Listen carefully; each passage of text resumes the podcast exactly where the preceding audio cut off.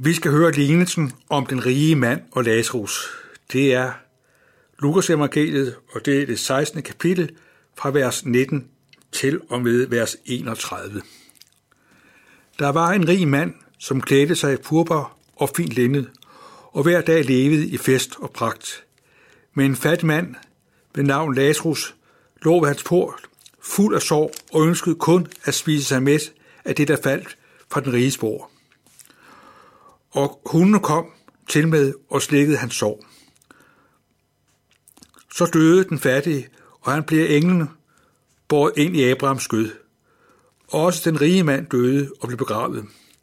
Da han slår øjnene op i dødsriget, hvor han pintes, ser han Abraham langt borte og Lazarus i hans skød. Fader Abraham råbte ham, Forbarm dig over mig, og send Lazarus, så han kan døbe spidsen af, af sin finger i vand og læske min tunge, for jeg pines i disse lurer. Men Abraham svarede, Barn, husk på, du fik det gode, mens du levede. Lazarus på samme måde det onde. Nu trøster han her, men du pines. Desuden er lagt en dyb kløft mellem os og jer, for de, der vil herfra over til jer, ikke skal kunne komme det, og heller ikke skal komme over til dem, og heller ikke komme over til dem deroverfra. Og han sagde, så beder jeg dig, far, at du vil sende ham til min fars hus, for jeg har fem brødre, for han kan advare dem, så ikke de kommer til det sted, til dette pinested. Men Abraham svarede ham, de har Moses og profeterne. Dem kan de høre. Nej, far Abraham, sagde han, men kommer der en til dem fra de døde, vil de omvende sig. Vil de, vil de, om, vil de omvende sig. Abraham svarede, hvis de ikke hører Moses og profeterne, vil de heller ikke lade sig opvise, selvom en står op fra de døde. Vi hører om den rige mand. Han var et menneske, øh, der virkelig var lykkes sit liv. Han havde sørget for, at han havde alt, hvad han havde brug for. Han havde sikkert været dygtig. Han havde brugt sine evner. Han havde brugt sine kræfter. Og vi skal lægge mærke til, at vi hører ikke på nogen måde, at, Las, at den rige mand var en ond person. Vi hører bare, at han var rig. Han er på en mærkelig måde blevet fuldstændig forblindet og forblændet af sin rigdom. Han troede, at den rigdom, han havde, alene skyldes ham selv. Det var som om, han kun havde fokus på sig selv og det, han magtede. Alt det, han magtede, alt det, han fik, havde gang i, det mente han skyldtes hans evner, hans dygtighed og hans kompetence. Han har sikkert været fantastisk flittig og været arbejdsom. På en mærkelig måde så var han fuldstændig fremmed og blind over for Gud, som havde givet ham livet. Det var som om han mente, at han selv var Gud i sit liv. Han var fuldstændig øh, fremmed over for Guds tale. Han var fuldstændig blind over for den fattige Lazarus.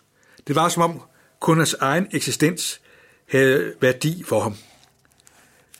Jeg tror, vi finder svaret til den rige mands problem. Det var, hvor der står, hvor der står, du fik de gode, mens du levede. Det var som om, han kun var optaget af det, han havde fået, det han havde erhvervet. Det gjorde ham fuldstændig fremmed og blind. Da han så dør og kommer ind i den, i den uhyggelige fortabelse, der er det som om, at denne rige mand, han kommer til en nøgtern erkendelse og forståelse. Nu har han, fuldstændig, nu har han en, en øh, fantastisk omsorg over for sine fem brødre. Nu synes han, at øh, nu skal de fem brødre ikke undgå, de skal ikke komme ind i fortabelsen. Det er mærkeligt, at denne mand efter sin død i virkeligheden er, er missionerende, i hvert fald er optaget af, at andre kommer til tro på Gud. Han tænker velment, at hvis der opstår en for de døde, så vil hans øh, brødre nok komme til tro.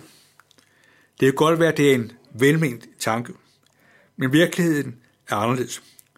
Og derfor så siger øh, Abraham jo også, at det, der er afgørende, det er at høre, hvad Moses og profeterne har sagt.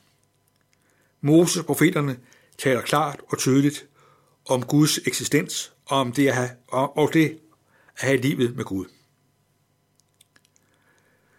Og vi har jo mere end Moses og profeterne. Vi har jo Jesus. Han, som døde og opstod, for at vi skal leve. Han er den, der godt gør, at han er vejen og sandheden og livet. Hvis vi ikke vil høre, hvad Gud har at sige, så er det næsten umuligt for os at komme ind i livet med Gud.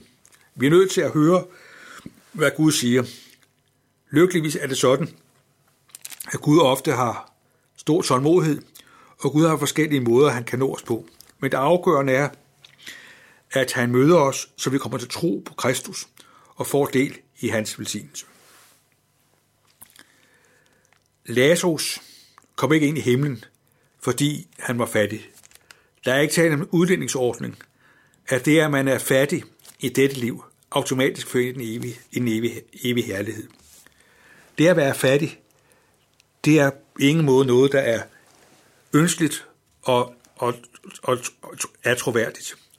Det at være fattig er en smerte og en lidelse. Det kan gøre en modløs. Det kan også skabe en misundelse og en bitterhed over for andre. Mennesker, der lever i fattigdom, har nok at slås med. Så det handler altså ikke om, at det, at man bliver, at man får det evige liv, fordi man har haft et fattigt liv. Det, der var afgørende, det var, at Lazarus havde sit liv i Guds i Gud. Abraham, Abraham, vi hører om Abraham, at han var troens far. I Abraham, der ser vi, hvem Gud er. Abraham troede Gud. Abraham erfarede, Gud bærer, Gud holder, Gud er med. Ikke fordi Abraham var fuldkommen og syndfri, men Abraham erfarer sit liv, at Gud er den, der er den dybe sammenhæng i livet. Abraham viser os, at vi må stole på Gud præcis som vi er. Søren Kierkegaard han er, siger meget præcist, at det, som var, var ulykken for den rige mand, det var, at han forholdt sig absolut til sin rigdom. Han levede som om, at det eneste, der holdt, det var hans rigdom. Han forholdt sig absolut til hans rigdom. Lazarus forholdt sig absolut til Gud og relativt til det livet havde at give. Alt det, vi har, har vi fået stillet til rådighed som en gave. Alt det, vi har, har vi kun på en tid. I en forstand, der er det jo et langt farvel. Vi kender det smerteligt, at vi må sige farvel til vores elskede, vores nærmeste. Vi oplever også, at kræfterne forsvinder, og vi bliver svage på den ene og den anden måde. Alt det, vi ejer og det, vi har, det må vi på et tidspunkt sige farvel til. Det eneste, der holder og bærer, det er frelsen i Gud. Og det er jo lige præcis derfor, Jesus kom, for at du og jeg skal have rigdom hos Gud. Må Gud lære os, at vi forholder os absolut til det absolute. Det vil sige, at vi forholder os absolut til Gud. Gud er det vigtigste, den vigtigste person i vores liv.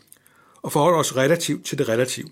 Vi skal ikke droppe det, vi har i livet, men det, som vi har, må kun have relativ værdi.